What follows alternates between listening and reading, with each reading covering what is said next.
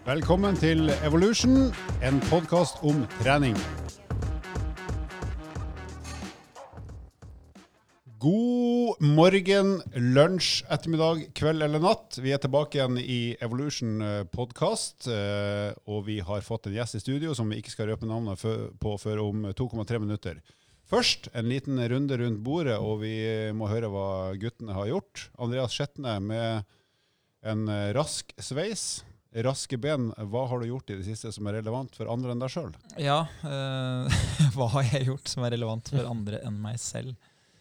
Det er vel ikke veldig mye, tror jeg, dessverre. Eh, det går i trening og jobb, det gjør det. Så jeg vil Jo da, jeg, faktisk. Jeg var i åtteårsdag på tirsdag. Eh, til, til niesa til samboeren min. Og da fikk jeg beskjed om at jeg, jeg, jeg var ønsket i bursdag. Som jeg setter pris på at jeg selvfølgelig er. Det er jo noen av de få barnebursdagene jeg jeg drar i. Og jeg spurte da, hva, hva ønsker du deg i, i bursdagsgave. Nei, hun ønska seg penger. Så sier jeg penger? Er ikke, du er åtte år, trenger du penger? Eh, ja, for hun sparer. Ja, hva, hva, sparer du til? Nei, hun sparer til hus. ok. Var du på barnebordet eller voksenbordet? Eh, nei, jeg er nok best likt på barnebordet. Det, og jeg liker jo den friheten som barnebordet gir òg. Og så liker jeg òg den, den, gleden som utspiller seg når gavene pakkes opp. For da Du får en 500-lapp av besteforeldrene dine. Det er helt greit. Men så får du en eh, flaske med eplemost av eh, mormor i tillegg, og den er da det beste. Så jeg, jeg er veldig fascinert av, uh, av uh, hvordan man på en måte setter de gledene. Det, jeg føler meg, jeg kjenner meg litt igjen. da. Liksom blir veldig glad over å løpe skikkelig fort på 1000 meter. Det er jo det er, det er ikke viktig det store bildet. Hva spiste du mest av? Jeg spiste sjokoladekake. Uh, og det er jo litt sånn endring da, fra jeg var liten. fordi um, veldig ofte når jeg var liten og spiste sjokoladekake, så syns jeg ikke den mursteinen under toppingen var så god. Den er jo ikke god. Nei. Den er tørr. Ja, Så jeg pleide å gjemme den i servietten. Jeg hadde lært meg det som et triks. Nå våkna han Lars, forresten, når vi begynte å snakke om sjokolade. Sikle. Ikke sant. Nei da, så det blei ble kake. Det, det er alltid en vinner. Det er viktig å si at visuelt så glir du jo fryktelig godt inn på det barnebordet. Ja, ja, ja. Du, jeg kan leve lenge med, med det ansiktet uten skjegg. altså det... Apropos barnebursdag. Jeg var i en barnebursdag og arrangerte for sønnen min på åtte år. Nei, det kan jeg kanskje ikke si. Men uh, noe av det som ble ønska seg der, var hår på tissen. Det er jo altfor tidlig, så vidt jeg vet. Nok om det. Lars, hva har du gjort? uh, nei, hva har jeg gjort? Uh, til fordel for meg sjøl her òg, eller? Ja, gjerne. Ja. Nei, Jeg har satt meg et mål om å teste alle møller på Evo Nydalen. Så det vil si jeg skal ha ti kilometer på hver mølle for å finne ut hvilken av møllene som blir min favoritt. Og den mølla som er din favoritt, er den som viser raskere fart enn det det egentlig er? Ja, så jeg kommer positivt ut av det. Så igjen, eh, jeg er god på å planlegge, eh, så får vi se hvordan gjennomføringen blir. Bra. Hva har du gjort der, Alvor?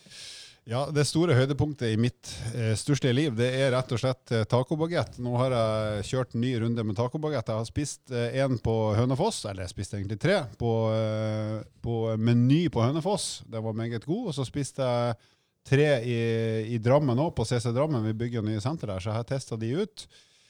Jeg er jo ganske streng på terningen, men der var tacoterningen bare oppe på en toer. Altså, så det var jo dritgodt, men ikke optimalt. Og Grunnen til at det ikke var optimalt, er at det var for lite taco og for mye bagett. Så jeg mener jo at ordet tacobagett består jo av taco og bagett. og der er jo taco en tredjedel av ordet tacobagett, og så er bagett av to tredjedeler. Så det bør være samme forholdet på tacobagetten. Så det bør være en tredjedel med tacomasse, primært kjøtt og ost. Og så bør det være to tredjedeler bagett. Men her var det mer sånn en femtedel taco og resten bagett. Jeg, jeg, jeg, lurer litt på om vi etter hvert kan ta deg litt for sånn um, Det som er liksom blitt veldig sånn poppis i, i popkulturen, det er jo når stjernene innfører noe de veit er skikkelig, skikkelig stygt, eller helt off, og så skal de bare se om de kan gjøre det populært. Så jeg er litt usikker på om den tacobaguetten egentlig er god, eller om du prøver liksom å skape en sånn eh, tacobaguett-trend. Jeg er jo egentlig en hipster som prøver å lage trender overalt, så det er egentlig bare et forsøk på en trend. Jeg ser det med de, de arm, armvarmerne du bruker når du trener. Så gjør et desperat forsøk på, på, å skape trender.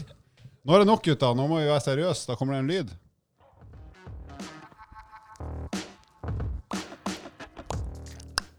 Ja, Da har vi eh, fått med oss en eh, utmerket gjest her som heter Amanda Barsten. og eh, Litt eh, kort om hva hun har bedrevet. For det første så er hun verdensmester, og det er jo ingen andre av oss som har vært eller kommer til å bli. Jo, Eh, jo. Jeg har stilt i VM-mesterskap i bordtennis. Ja, Du har stilt, ja, men du, er ikke verdensmester. N nei, men det er nesten. Jeg har også vært med i VM mye i teorien, men jeg har aldri vunnet noe. Men uh, hun er verdensmester i undervannsrugby, uh, som du skal få si litt mer om uh, etterpå, Amanda. I tillegg så er du lektor i idrettsfag og innovasjon, som du også må forklare litt etterpå. altså, Idrettsfag skjønner jeg, men innovasjon i hva da? Coaching og ledelse har du både drevet med og utdanna deg i. Og så eh, er du også fan av Radioresepsjonen, stemmer ikke det? Yes, det er jeg. Og det setter jeg stor pris på. Det er jo en, et meget morsomt uh, radioprogram som uh, jeg må innrømme Jeg tror jeg har hørt alle episodene minst to ganger. Uh, for det er moro-moro. Så Amanda, nå har jeg sagt litt om deg, men kan du fortelle litt mer utdypende om de tingene her? Begynner kanskje med undervannsrugby. Hva i all verden er det for noe? Ja. um, det er jo egentlig en idrett som vi er veldig flinke i i Norge. Eh, men eh, den er ikke så lett å promotere på TV, fordi at eh, hele spillet skjer under vann, i et basseng, på bånn. Så vi har jo egentlig vært Første gangen vi ble verdensmestere, var jo egentlig i 1995. To måneder før fotballdamene, det er det Mm. få som veit. Det er viktig. Eh, og så har vi jo egentlig vært de topp tre beste siden da i verden. Eh, de andre nasjonene er vel Colombia og Tyskland, som er liksom dem vi konkurrerer om de topp pallplassene. Eh, vil du høre noe mer sånn hva Ja, altså- det er, tenker Altså, det, du? jeg har jo sett det her, for jeg har jo gått på idrettshøyskolen og gikk i klasse med ei som var på landslaget den gangen. Det var jo i 19 pil og bue. Men, uh, og jeg så bare i svart-hvitt, for vi hadde ikke fargesyn da. Men, uh, men det som egentlig det, som, det foregår under vann, og så har man egentlig en slags målbøtte som man skal dytte en ganske tung ball nedi. Og den bøtta blir vokta av en keeper som vel i stor grad ligger oppå der for å være fysisk til hinder. Stemmer det? Så har vi Vi har seks, eh, seks spillere på hvert lag. Og så er det fordi at man må holde pusten når man spiller, så er det gjerne to stykk på hver posisjon som bytter på å gjøre jobben nede på bånn. Det høres jo litt heftig ut, for da må du være ganske god til å holde pusten. Samtidig som du skal drive og svømme og takle og ta med deg ball. Eh, ja. Eh, man holder jo Det er veldig anarob eh, idrett, da. Så det, man, det er ikke sånn eh, langdykk der man holder pusten i mange minutter. Det er ofte veldig høy frekvens. Så ja og nei, på en måte. Eh, jeg tror nok at det er en fordel å være komfortabel med å holde pusten lenge, men i utgangspunktet så er det ganske kjappe dykk da, Mm. over kort tid. Jeg tror jo kanskje ikke vi trenger noe mer forklaring rundt den utdannelsen innen innovasjon. Nei, det, det sier seg sjøl. Rugby og undervann. Ja. Ja. Jo, og så litt om eh, bakgrunnen din fra idrettshøyskolen. I, eh, Du er lektor. Hva er det du har studert? Eh, jeg er lektor med opprykk, for dem som lytter, som vet hva det betyr. Eh, det er, mm, da har du ikke en vanlig lektorutdanning. Da har du først en bachelor, og så en master, og så har du et årsstudium i praktisk pedagogikk. Ja, og det, Nå tenker alle ok, med opprykk, men går det an å rykke ned òg? Går det an å ha lektor med nedrykk, eller fins ikke det? nei, når, når det er gjort, er det gjort. Ja, det ok. går ikke an. Så du, du er oppe i toppen her Ja. uansett? Ja, bra. Ja, oppe i lønningstoppen. Ja, pent. Bra. Du, Da skal vi over til temaet. Temaet for i dag er rett og slett bevegelighetstrening. Eh, og Det er jo noe som alle sannsynligvis vet at de kanskje burde gjort mer av, selv om man kanskje ikke tar seg tid til det. Så jeg tenkte, hvis vi begynner med ok, nummer én, hva er bevegelighetstrening, og hvem bør gjøre det på et eller annet nivå? Hvorfor skal man drive med bevegelighetstrening? Ja, øh, jeg tenker at bevegelighetstrening er jo, handler jo om egentlig hvordan kroppen beveger seg i spesifikke bevegelser, egentlig. Eh, hvor stort utslag du har i en bevegelse, om det er å løfte foten og ta et steg, eller om det er å strekke ut armen og ta et armtak. Um, og hvem som burde gjøre det, da mener vi at alle burde gjøre det. Hvem av oss tror du hadde hatt mest utnytta av det? Uh, Ja, det er nå en som rekker opp hånda, da. Og så er det en som er gammel. Jeg, rekker opp hånda. Ja. Så nei, vil, det er vanskelig. Det må jo nå Jeg tenker jo at, eh, at det er litt eh, biologisk. Eh, Noen er biologisk veldig mjuk, og andre ikke det. Og så er det litt det man har hatt gjennom livet. Idrett og eh, hva slags type jobb man har, og hva slags belastning man har gjort Du har, gjennom livet. du har jo sett mye folk bevege seg både som kundene dine når det er PT og ellers. Og hva er det som er liksom den vanligste svakheten bevegelighetsmessig for de fleste av oss vanlige folk? Hvor er det vi har mest å hente? Skulder spesielt. Eh, all bevegelse som er fra skulderhøyde og på en måte over. Eh, og så er det mye hofte. Eh, utover rotasjon i hofte. Og det er jo gjerne den bevegelsen man vanligvis aldri gjør på en, en vanlig dag. Og det, hvordan, eh, hvordan merker man, eller på, på hvilken måte kan bevegelsestreninga gjøre deg bedre? Hvis vi tar hofta, da, hvis vi gjør det litt sånn treningsrelatert, da, hvis vi tar skal vi si, markløft, knebøy, en del sånne baseløft der vi bruker både sete og knelede, hva, hva er det som oftest begrenser oss der hvis bevegeligheten er dårlig? Altså, hva, slags utslag gir det når vi skal gjøre de øvelsene der? Jeg tenker på knebøy, så um, er det ofte eh, hvor tyngdepunktet ligger i kroppen, kroppen når du går ned i en knebøy. Eh, har man dårlig bevegelighet, så tipper man gjerne litt framover og få vekta på tæra. Uh, og det kan være mange forskjellige ting. Det kan være legg, eh, hofte, uh, rygg ho Ja. Så det finner man ut av etter hvert, da. Men det er sånn typisk sånn test man kan gjøre. Mm. Hvis vekta går fram på tæra, så er det ganske tydelig signal på at man ikke har den bevegeligheten som trengs. Og det vil begrense hvor tungt du vil klare å løfte i den øvelsen. Man snakker jo ofte om at den overføringen ved å ha god bevegelighet kan overføres til det funksjonelle man skal utføre i, i hverdagen. Og eh, du snakker òg om hofteledd, kneledd, skulderledd. Er det noe rent eh, praktiske tips du kan ha til de som har de svakhetene, eller sliter med å ha hendene over hodet, sette seg, reise seg, og så trekke litt sånn paralleller til styrketreninger? Jeg tenker du på styrkeøvelser? Ja, styrke sammen med bevegelighet. Ja. Um, det er jo ganske mange øvelser med strikk som er, er veldig fine. Mm. Uh, og da er det jo Kan man jo tenke på en slags tøyøvelse. Mm. Man kan bruke en tøyøvelse man har lært en gang, og så kan man putte en strikk mellom det og den veggen som du gjerne holder på. Og så kan du utforske litt det her med at du aktivt strekker. At ikke du bare kaster det inn i den strekkposisjonen, men at du liksom jobber det aktivt med musklene i en strekk. Mm. Um, så det, så ut, det letteste er bare å tenke en, en tøye, tøyeposisjon, Mm. og så kanskje også trene den med en manual eller et eller annet, da.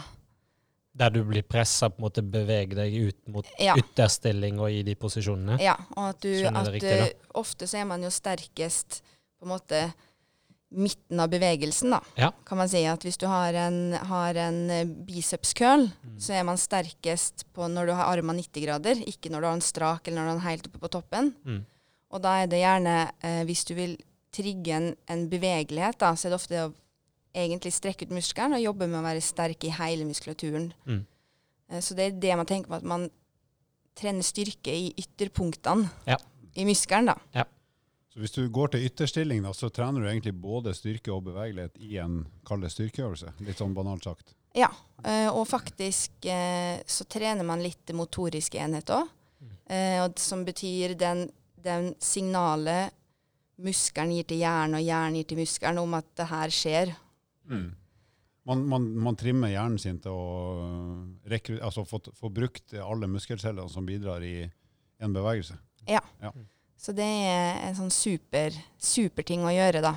Nå skal du få et sånn dustespørsmål, eller ikke duste, men et sånn vanlig spørsmål som, som mange har, og det er det her med Blir man mindre støl av, etter å ha trent styrke hvis man tøyer ut, eller driver bevegelighetstrening etter styrketrening?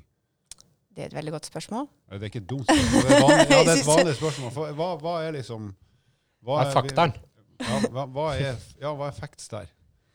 Nei, det er gjort veldig lite forskning på hva tøying egentlig gjør. Eh, så, så, det er jo litt erfaringsbasert ofte. Eh, det kan funke, men det er en risiko å tøye etter eh, tung trening fordi muskelen er sliten i utgangspunktet.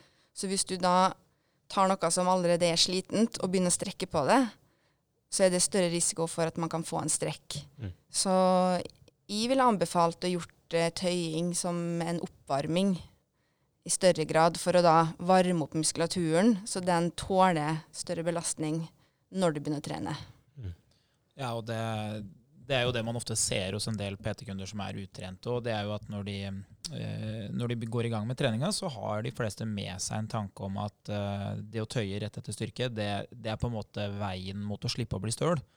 Eh, vi har jo vært litt innom dette her tidligere, og, og det man ser i, i stor grad, da, det er jo at stølhet det kommer jo av endring. Altså hva, hva har du gjort tidligere, hva gjør du nå? Hvis den endringa er stor, så blir du støl.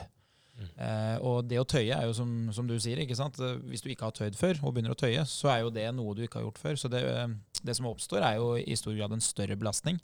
Og, og, da kan det faktisk føre til at enten da i verste fall en, en strekk, eller så kan det jo òg føre til at du blir mer støl. Og det, mm. det, virker jo litt mot sin hensikt. ikke sant? At du, du tøyer for å bli mindre støl, og så ender du opp med å våkne dagen etter, og så er det verre enn det det, mm. det kunne ha vært. Og den, det går jo òg eh, Man har jo hørt det fra man var yngre eller ung. Og det var jo den man ble fortalt, f.eks. For jeg har drevet med fotball. og liksom Det å tøye etter man har løpt og spilt fotball og sånne ting. Og det er jo på en måte eh, rett og slett en, en myte fra gammelt av, tenker jeg. Eh, og visuelt så prater man ofte om en strikk. Og når du trener, så tøyer du strikken og du tøyer strikken og du tøyer strikken, og den blir mer og mer sliten. Og hvis du da Nei, når du trener, og når du tøyer på den i tillegg, så til slutt så ryker jo den strikken, eller kan ryke. Ja. Er det riktig? Ja. ja. Det er i hvert fall uh, mye større risiko å gjøre det hvis du gjør det etter du har trent, enn mm. før du har trent. Mm. Men når man driver med bevegelsestrening på ulike nivå, blir muskelen hva, som, hva, blir effekten av det? Blir muskulaturen lenger, da, sånn at man kan uh, komme lenger i ytterstilling eller gjør større bevegelsesforslag? Er det det som er den praktiske effekten av, av eh, bevegelighetstrening? Uh, jeg tenker at um, den blir jo ikke lengre, så det er jo ikke sånn at hvis du tøyer låret ditt, så blir låret ditt lengre.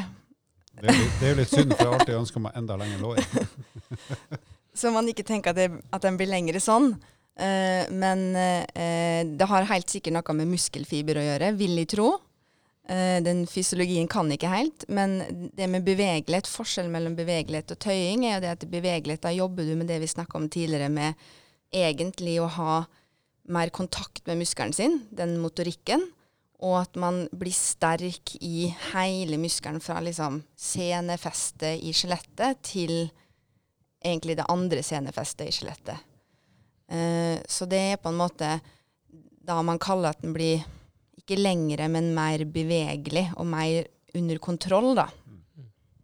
Ja, og det, det, er jo det man ser ofte i de siste studiene som er gjort da, på, på akkurat det med, med bevegelighet og, og, det å tøye eller stretche muskelen. Da, det er at um, muskulaturen i seg selv blir ikke lengre. Det trodde man faktisk i, i mange år, at uh, hvis man la en linjal på muskulaturen og, og tøyde over en lengre periode, så ville man sitte igjen med en lengre muskel, som da uh, til gjengjeld kunne gi deg lengre bevegelighet. eller altså et større bevegelsesutslag.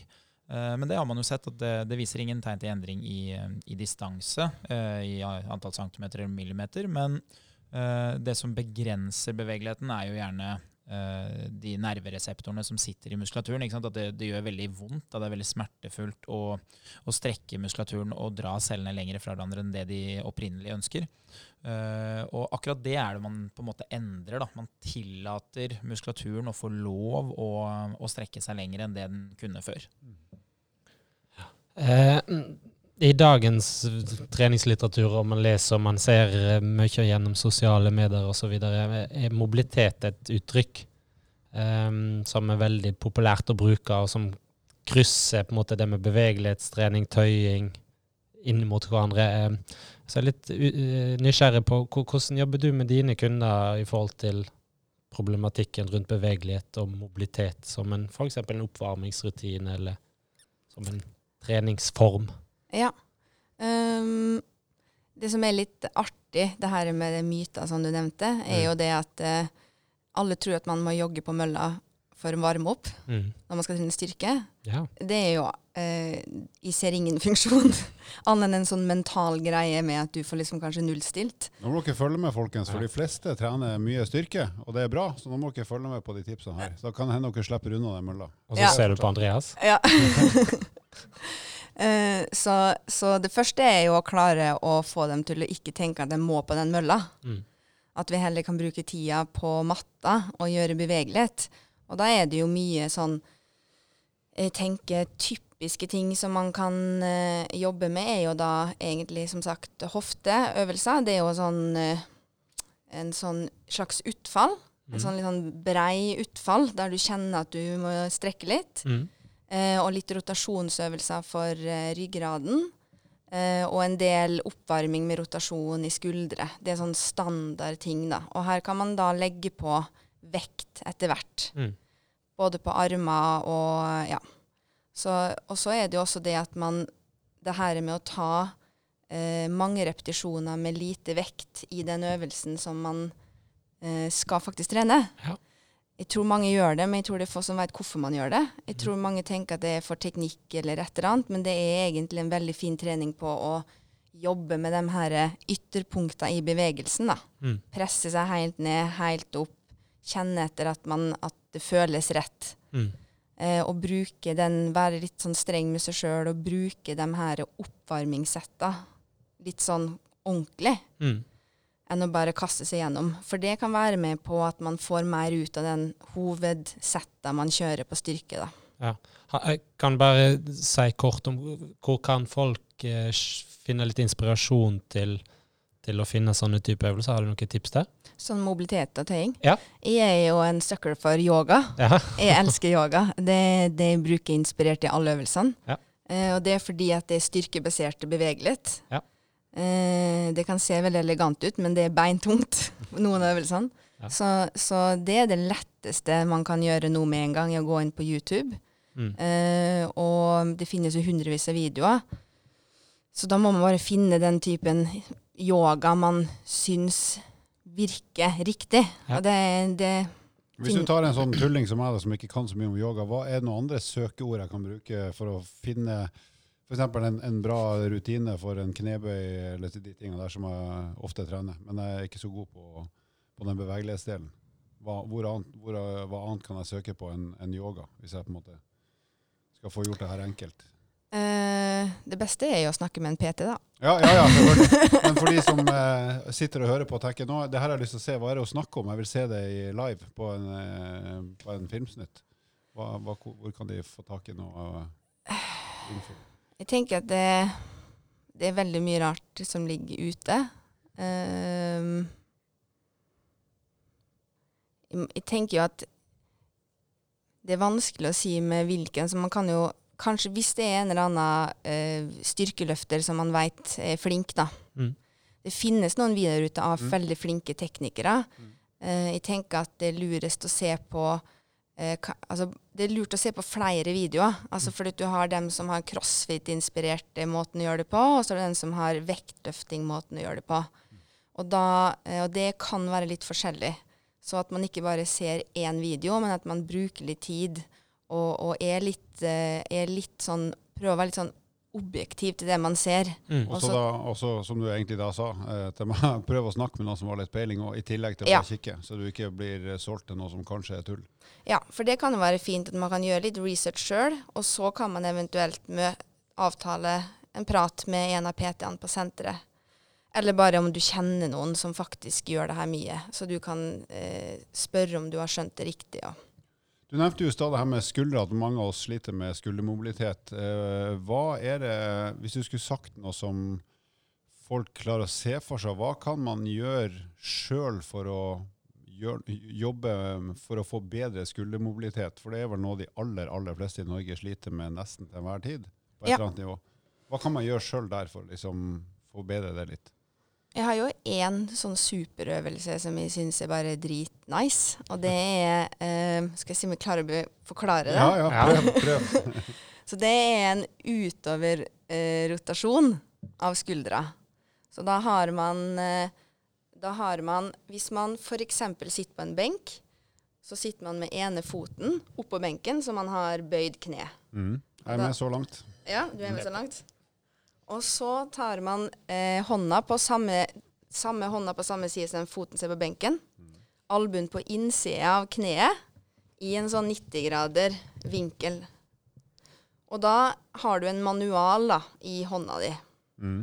Eh, og den da roterer du først ned, innover rotasjon så langt du kommer, ned mot eh, benken på innsida. Og så er det den hovedbevegelsen er da fra bånn der, og så opp til toppen. Ja. Og det pleier ofte å være ganske tungt, eller man blir vel fort overraska over hvor liten belastning som kjennes veldig tung. Ja. Og hvis man aldri har gjort den øvelsen før, så, så er det liksom to kilo, og du vil kjenne det kjempegodt. Eh, og det tar Fordi at i, i skuldra så er det jo 18 000 muskler. Eh, som går over og under hverandre, og de er festa på baksida på ryggen din og foran på brystkassa og under, og de går igjennom skuldra. Det er så mange forskjellige typer muskler, og det er vanskelig å trene bare én av dem. Men den utøver rotasjon, det er veldig ofte den bevegelsen man er svakest i. Og det er fort den som kan være med på, hvis man er svak der, at skuldrene he altså, henger litt framover. Jeg kan jo si at jeg er skyldig her. Jeg har, jeg har faktisk gjort den øvelsen før, men nå har jeg blitt sløv på det. Eh, og det er dumt. For jeg merker jo det Særlig nå når jeg begynte å sykle, så er jeg jo så framoverlent at det er jo Det er ikke bra lenger. Ja. Du trener jo veldig mye bryst, da. Selvfølgelig. Ja. Og det er kun av kosmetiske årsaker, selv om det ikke synes. Det er mentaltrening. Jeg hadde et tips til deg på yoga. Du kan også søke 'yoga for old man'. Det fins ikke. Men du, har en ting, og det um, overførsverdien har vi snakka litt om. Um, Du kommer jo òg fra toppidretten. Og eh, ofte så snakker man litt om motorisk trening og overføring til en idrettslig bevegelse, som Mm. folk flest kan lære av. Eh, det å koble de to tingene ved å, som du, du snakka litt om det i forhold til bevegelsene. Du gjør en knebebevegelse f.eks. som utfordrer bevegeligheten. Mm. Eh, kan man koble de to tinga, altså motorikk og bevegelighet? Eh, ja, absolutt. Ja. Eh, jeg tenker jo at bevegelighet handler om Altså, det er forskjell å ha en kontrollert bevegelse og en, en beve... Altså, for eksempel hvis du sklir på isen. Mm. Den bevegelsen du gjør da, det er ikke kontrollert bevegelse. Det er bare et eller annet som kroppen har blitt designa for å reagere på. Mm. Eh, men, eh, men, eh, og hvis du f.eks. tar en frivending, eller et eller annet rykk, et eller annet eksplosivt, da, så eh, vil den, her, den motoriske delen i kroppen, hvis den ikke er på plass, Mm. og man begynner å bli sliten, så er det vanskelig å stoppe at man kan gjøre noe feil. For da, den motorikken er jo målet, og det at den blir en sånn slags automatisert i kroppen. Så du trenger ikke så lang tid på å tenke over at OK, jeg må holde sånn, jeg må løfte sånn, jeg må dra dit, jeg må sånn. Mm. Du vil etter hvert bare kjenne det på en slags følelse. Mm. Eh, det kan være litt sånn vanskelig å forstå i starten, men det er da å gjenta og gjenta og gjenta, gjenta 18 000 ganger, og så vil etter hvert eh, det her sitte i kroppen, og da har du jobba med den motorikken. Mm. Eh, og det var det vi snakka om, det med å være sterk i hele muskelen. Og jobbe med de her nervecellene i hele muskelen, i hele bevegelsen, gjør at du vil ha Du har ikke bare kontroll i 90-graderen på bicepskølen. Du Mm. har full kontroll nede på bånn og helt opp på toppen. Mm. Og det gjør at du blir eh, mye sikrere i en bevegelse du gjør. Da. Du tåler at det blir slitsomt, for du vil ha kontroll i hele muskelen. Så det er ikke nødvendighet, men det er en, det er en lur ting å gjøre hvis man ønsker å trene over lengre tid uten å bli skada. Mm. Når vi snakker om bevegelighetstrening, så er det vel to uttrykk som ofte karakteriserer litt sånne metoder og, eller måter å trene på. Det ene er liksom statisk bevegelighetstrening, og det andre er dynamisk bevegelighetstrening. Hva, hva er forskjellen på de to måtene? For statisk betyr vel at du gjør ting i ro, mens eh, dynamisk betyr vel at det foregår en bevegelse i en eller annen hastighet.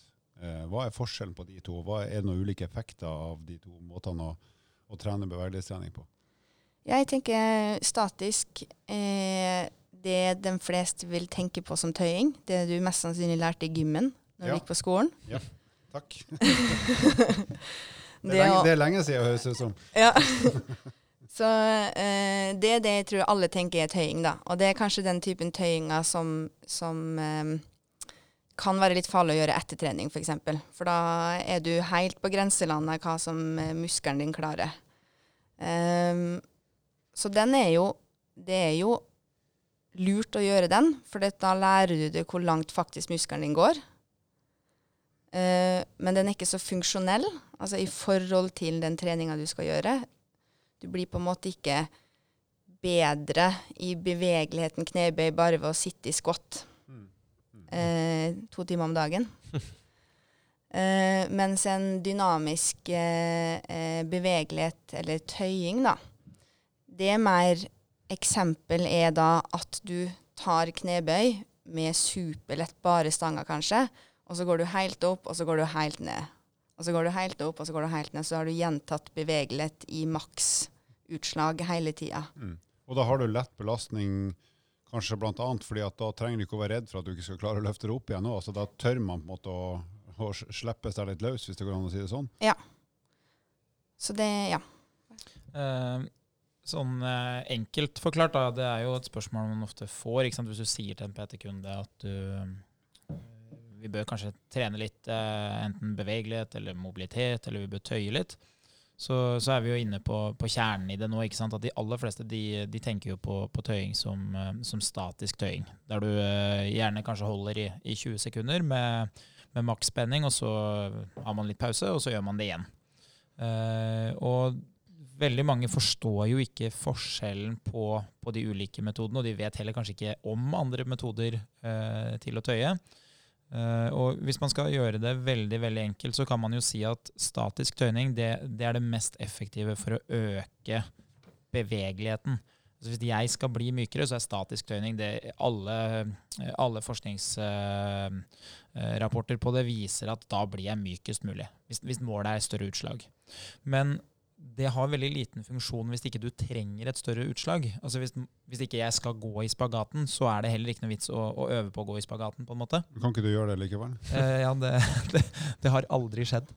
Men eh, hvis man da ser på, på det som er mer dynamisk tøyning, som da er mer eh, For den som ikke vet hva det er, da, så er det litt mer sånn av og på. ikke sant? Man, man tøyer en muskel rett og slett eh, av og på mens man eh, utfører f.eks. 15-20 sekunder.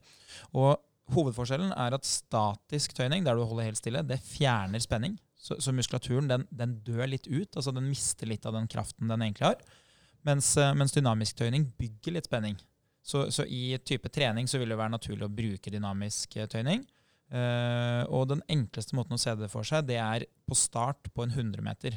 Hvis du ser de som skal løpe 100-meteren, så vil du se at ingen av de setter seg ned og klinker til med statisk tøyning. De, de kjører dynamisk tøyning. ikke sant? De strekker seg etter beina sine av og på, av og på, fordi det bygger spenning i muskulaturen som kan øke prestasjonen. Hvis de derimot hadde satt seg ned og holdt i 20-30 sekunder, så ville de løpt saktere. Ja. Nei, jeg syns det var veldig godt eh, eh, sammendrag. Fordi jeg tenker bare sånn eh, For dem som f.eks. hører på nå, og eh, løping er målet, da. Eh, og, og løping, da, da er det ikke funksjonelt lurt å være supermjuk. Og det har med den spenninga å gjøre. Det er ikke vits å kunne gå i spagaten hvis du skal springe maraton. Eh, og det samme i idrettsverden. Jeg har jo holdt på med svømming òg i mange, mange år. Eh, hvis du er eh, crawlsvømmer, f.eks., så, eh, så er ikke de mjukere enn at de klarer å ta ned på pallen.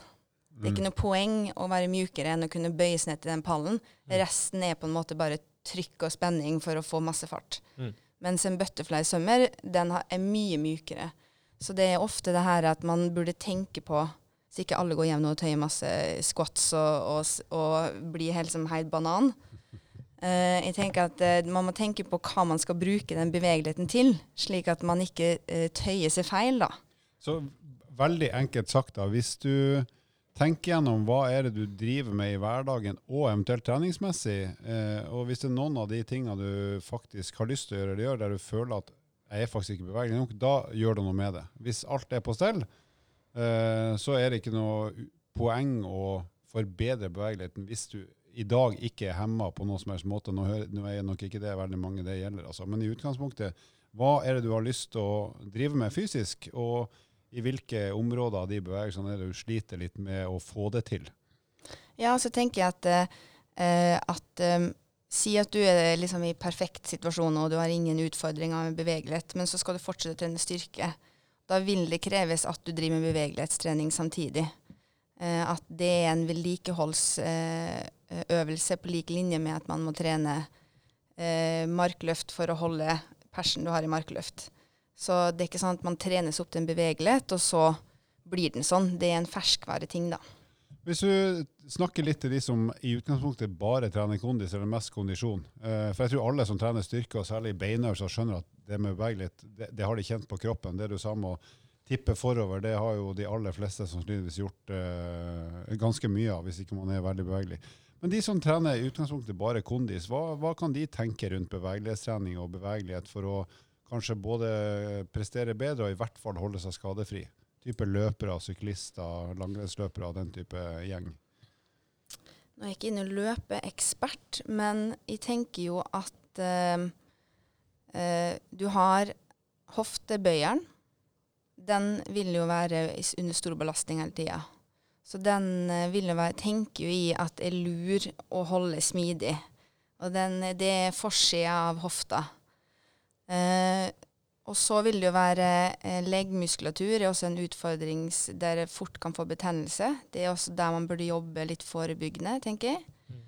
Og så eh, Og da er det lov å si at man er uenig, men jeg tenker at det å ha faktisk eh, være sterk i ryggen og ha en viss mobilitet i skuldrene, gjør at man, man klarer å holde en bedre holdning, mer avslappa holdning over tid når man løper Eh, fordi at hvis det ikke skjer, så kan man fort eh, få det her trykket i brystet og den dårlige fremoverlente holdninga. Vi har jo en eh, god, gammel amerikaner, Michael Johnson. Ja. For de som husker han, eh, sprinter, eh, som løp ekstremt oppreist.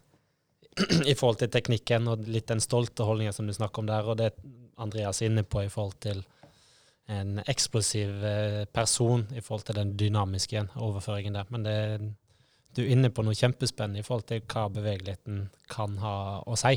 Ja.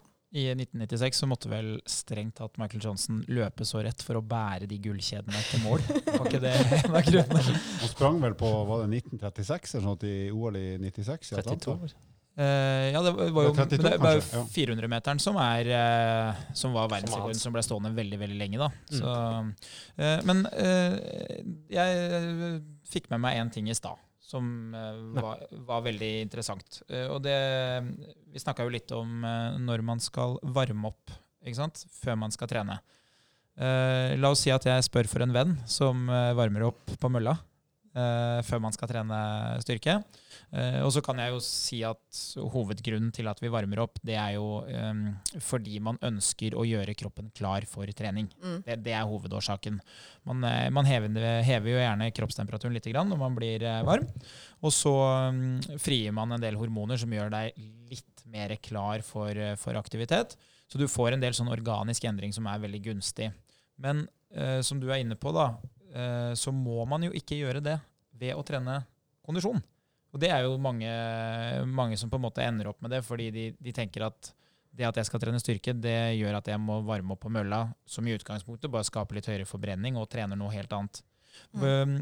Hvordan kunne jeg ha gjort det? Eller da den vennen som jeg spør for. du har jo ingen venner. Som heter Olav Skjetne? ja, ikke sant. um, jeg, tenker at uh, det, er, det, er så mange forskjellige måter å gjøre det på. Uh, det viktigste punktet vil jo være å gjøre det litt relevant i forhold til den treninga du skal gjøre. Eh, så du ser litt overføringsverdien. Så enten er det jo faktisk så enkelt som å gjøre de øvelsene du skal gjøre, bare i mye større bevegelse og med mye mindre vekt. Mm. Da, det kan du gjøre med en gang nå, trenger ingen research. Eller så er det det her med bevegeligheten igjen. Det å ta matta og strekke, bøye og tøye litt. Eh, og da har man ofte noen favorittøvelser, og veldig mye oppvarming er jo litt sånn psykisk òg, tenker jeg. At eh, det er det her med å gjøre seg klar. Og du, veldig mange trener jo etter jobb, og da har du tusen tanker i huet, og du har tusen tanker du skal gjøre etterpå.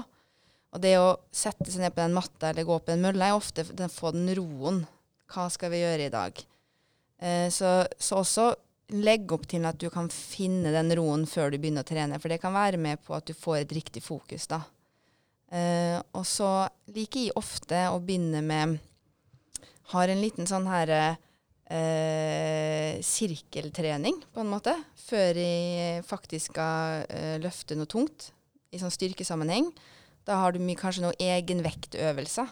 Mm. Der du, vi har jo en sånn grønn, fin matte på alle EVO-ene. Og kjøre litt eh, øvelser fram og tilbake på matta der med litt korte pauser. Og bare liksom få den her eh, føle seg klar og bli litt varm i kroppen. I kan du si bare hvor lenge jobber du, og hvor mange repetisjoner? Hvor mye setter du av til den delen? Kommer litt an på hva tid man har. Ja. eh, men eh, si at jeg trener i ja, en time, ti minutter kanskje, da. Mm. Og så en time kvarter, kanskje. Så er det da det kvarteret utafor den timen, mm. det er det jeg bruker på oppvarming. Ja. Uh, og resten er på en måte treninga, da. Mm. Uh, da har man jo en plan, og det, det ser man jo veldig ofte at, uh, at, fungerer bra. Så, sånn enkelt forklart så kan man vel kalle det en slags oppvarmingsdrill, kan man ikke det? Ja. ja. Det høres jo kult ut òg, det. Ja, det, det, det, som er et viktig poeng å ta med seg her, er at det, trenger ikke å være en kondisjonsrelatert øvelse for at det skal være oppvarming. Det, det, kan gjerne være at du, at du én, gjør kroppen klar, men to, du kan også få med deg litt mobilitetstrening i samme slengen. da, som, som for veldig mange vil være vel så hensiktsmessig som å skulle trene utholdenhet i et kvarter. Bare sånn tips til de som lurer på ja, men uh, jeg vil se hvordan funker det her i praksis. Så har jo du en Instagram-konto som heter Amanda Barsten. Uh, og der legger du ofte ut mange sånne driller og egentlig økter også, som du kan gjøre på treningssenteret hjemme og egentlig hvor som helst, som er veldig enkel å forstå. For, du, for du, du, viser det på en sånn måte at uh, selv jeg, da, som ikke er så bevegelig, får det til med mine tilpasninger. Så det vil jeg anbefale. og Hvis man skal ha noen gode tips der, så ligger det masse bra stoff ute allerede. Ja, vi har snakka mye om, om, mobilitet, bevegelighet, som en oppvarmingsdel. Eh, det jeg er litt nysgjerrig på, er det som en avslutningsdel. Altså da jeg trekker det i retningen avspenning, det å, å roe ned kroppen, på en måte, og få den effekten rundt det. Eh, Eh, jeg har jo reist rundt med alpinlandslag i ganske mange år, og der var det et omreisende yogateam som reiste. Det vil si de fulgte worldcupsirkuset eh, og kjørte økter eller tilbudet tjenestene sine til, til, de ulike landslagene ved å kjøre yogaøkter. Mm. Eh, og da ble vi utfordra selvfølgelig på å, å komme i utestilling og de tingene her, så lenge det var hensiktsmessig i forhold til det vi ønska å få ut av det. Men eh, vel så viktig så var det den, eh, den delen som omhandler det jeg sier mentale. Altså ren avspenning, roe ned og få den effekten rundt det. Og jeg har ganske mange videoer av at uh, utøverne i etterkant, uh, mens de gjør øvelsene, men òg uh, rett og slett avslutningsvis går i en modus der man spenner helt ut og klarer å slappe helt av i ytterstillingene. Og rett og slett sovne og begynne å snorke og den delen der. Er, kan du si noe om effekten av den avspenningen? Eller tanker rundt det? Det er kjempedeilig. Ja. Syns jeg òg. Hvis, hvis, man faktisk tar seg tida da, og setter av fem minutter når man er ferdig på trening, mm. eh, så er det egentlig tre veldig enkle øvelser man kan gjøre. Mm. Uh, det, en, altså, det er jo det her med å få hjertet lavt og resten av kroppen høyt, mm. ofte. Da, det er da du får pulsen ned, og det er da på en måte du får en ro, da. Uh, så den ene øvelsen er at du uh, tar matta inntil veggen, og så bare tar du beina opp langs veggen mens du ligger flatt med ryggen på matta, og bare lukker mm. øynene og liksom bare prøver å liksom puste. Slappe helt av. Favoritten. Den er veldig fin. Mm. Eh, det er yogainspirert. Ja. Eh, og så har vi jo sånne her eh, Bosu-baller på mange treningssenter. Eh, den eller de her eh, små, runde Hva kaller de dem? Foam rollers, ja. Mm. Eh, eh, den boseballen er litt snillere, da, men da kan du ligge med hofta. Da har du den eh, halvrundingen opp, og så ligger du med hofta nederst, og så på en måte legger du det bakover da, med ryggen og får på en måte åpna opp brystet. Mm. Eh, den kan føles litt intens for noen som er litt stram og stiv i overkroppen. Les Halvor. Jeg er jo en myk mann. Innsiden.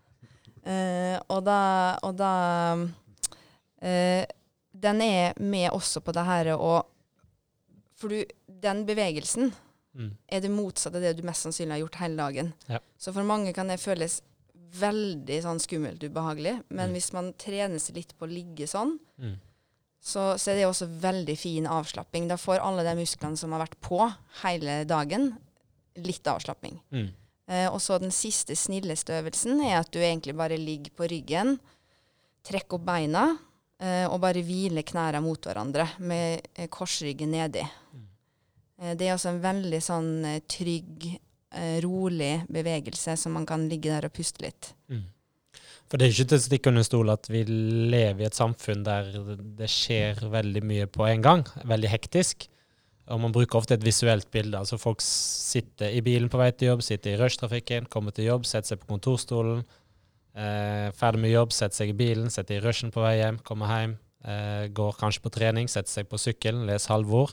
Mm. Eh, sitter og tråkker og tråkker og tråkker, tråkker, sitter fremoverlent, anspent, eller relativt anspent, at ting skjer foran, altså muskulært, det som er visuelt, det man har framme. Kommer ferdig med treninga, setter seg i sofaen, setter òg med bøyde bein, osv. Man kan på en måte flette på veldig mye der. Jeg vet du skal få snart snakke, Halvor. Eh, men den, den, den faktoren der, med akkurat det du sier nå, tror jeg er ganske viktig for folk å, å ta med seg hjem og ha en eh, si, en tilnærming til at man òg kan slappe av mot slutten av økta, og åpne opp og prøve å rett og slett spenne av de musklene som har vært veldig spente gjennom dagen. Ja, jeg tenker at de øvelsene der òg kan faktisk være med på at du får mer ut av den bevegelighetstreninga du gjør. Fordi du får en lavere puls, og du blir mer avslappa i kroppen, som gjør at du får ikke den her sjokkopplevelsen av å plutselig skulle utfordre en muskulatur. Da. Så det Mm. kan også være en fin liten intro inn i en bevegelighetsøvelse, eller inn i et fokus på trening. Mm. Jeg tror at eh, grunnen til at vi har et veldig forsidefokus, er at det er det vi ser i speilet. Ja, det, det er jeg 100% enig i. Men det, Hvis jeg hadde sett korsryggen min og alt det er bakfra, eller jeg kan ikke se for, korsryggen forfra, det går jo ikke. Da hadde jeg nok eh, fokusert mer på det, tror jeg. Jeg trodde du skulle si at du var lett og ledig på sykkelen, og at du ikke var stiv og det jeg, jeg fikk beskjed av Gild uh, å si det til deg at du måtte fokusere litt mer på bevegelighetstrening. Målet er jo å sykle så mye at jeg ender opp med å gå i hockeystilling døgnet rundt, som en gammel skøyteløper, egentlig.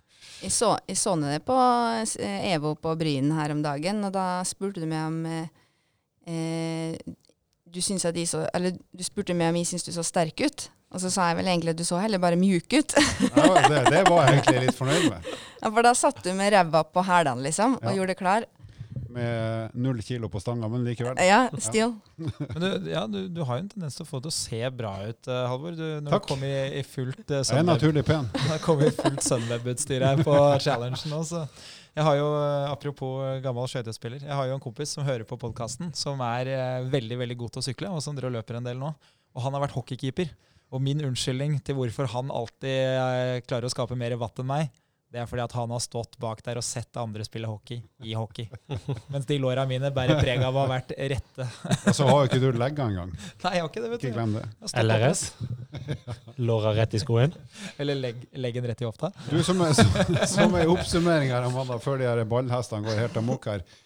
Hva, hvis du skulle komme med en oppfordring til det norske folk, eh, gjennomsnittet av norske folk, hva er det alle bør gjøre som er bevegelighetsrelatert? Som alle har godt av, eller i verste fall i hvert fall ikke har vondt av? Eh, hofte. Eh, og jeg kom faktisk på den her den øvelsen som alle fotballspillere gjør, når de, eh, de tripper, og så svinger de kneet ut. Mm. Den her, ja. Jeg tror det er ingen fotballspillere som egentlig vet hva den gjør for noe. Eh, men den, det er viktig at hofta er jo et kuleledd. Så man kan ikke bare tøye framover og bakover, man må også tøye utover og innover. Mm. Og den øvelsen er faktisk litt god. Hvis man faktisk gjør den ordentlig. Mm. og Bruker litt tid på hele den store bevegelsen. Jeg tror jo det er definisjonen på, på evolusjon. Det er jo at uh, fotballspillere gjør den øvelsen. Ikke fordi de veit hva de gjør, Nei. men fordi de bare har hatt så mange kompiser som har fått lyskestrekk. så de tenker hm, han gjør det, han har ikke lyskestrekk. Jeg gjør det. Dermed. Og siden Ja. jeg er en stor fan av Tyskland, så var det Tyskland som begynte med det i VM i 2006 på hjemmebane. For da hadde de en Jürgen Klinsmann som hadde vært i USA og lært ting. Det var han, var, ikke, han var coachen var det ikke dansende, dansende sånne søramerikanere som hoppa i takt? Det var Tyskland der òg. Først ute. Først ute med verdenskriger, først ute med hoftebevegelighet i fotball. Det var, Ja. det var jo der, eh, det var der jeg skjønte at vi skulle ryke ut av sluttspillet i Norway Cup. Det var jo når det kom sånne klappende lag eh, som vi skulle møte, sånn Matari United og sånn. Det hadde ikke vi kjangs til å slå. De hadde skjegg også, så det var vel litt av grunnen. Jeg har én ting til, nå, da. Så er det skuldre. Ja. Eh, Så ikke du blir en pensjonist som ikke klarer å hente ting fra øverste hylle. Så er det egentlig det å eh, Og da, igjen, for å gjøre det veldig enkelt, så er det det å ha styrketrening over skuldrene. Om det er skulderpress, eller om det er eh, også den øvelsen da folk eh, henger i veggen, Hold fast i en ribbevegg og henger ned. Eh, utforsk litt den.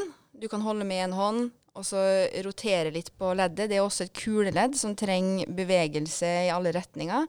Jeg tenker Det er de to ledda som er de viktigste, som alle burde ta seg tida på å bli bevegelighet i. Og nå ser jeg på han Andreas, for det her er jo, den siste øvelsen her er jo noe du ofte praktiserer etter å ha vært på scene nachspiel, som du fortsatt driver med. Finne et eller annet å henge fast Henge i. Du har så dårlig bevegelighet at du går på trynet. Ikke sant.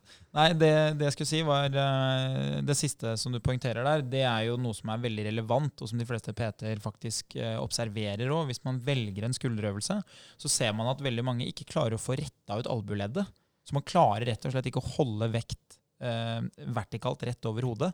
Eh, så det å etterstrebe og i hvert fall skape nok bevegelighet til å kunne gjøre øvelser over hodet, det er jo en stor fordel. Eh, Jeg trente jo en gang et ektepar eh, som begge to var over 75 år. Eh, Og når vi starta treninga, så var det å f.eks. løfte benkpress, skulderpress Det var nesten umulig å få til, fordi den lille pausen som de fleste får når de har retta ut eh, albueleddet helt, den fikk ikke de. Så det blei bare én lang, sammenhengende, dynamisk bevegelse. Mens uh, idet vi klarte å skape nok bevegelighet gjennom da, en sånn type øvelse hvor man henger litt, og at man øver på å få godt utslag i, eh, i albue og skulderledd, så klarte de plutselig å gjennomføre styrketreninga, som var det de trengte for å bli sterke nok til å gjøre ting over hodet. Så, så det er nok et, et veldig godt tips å ta med seg. Altså. Bra, da skal vi eh, avrunde ganske så snart.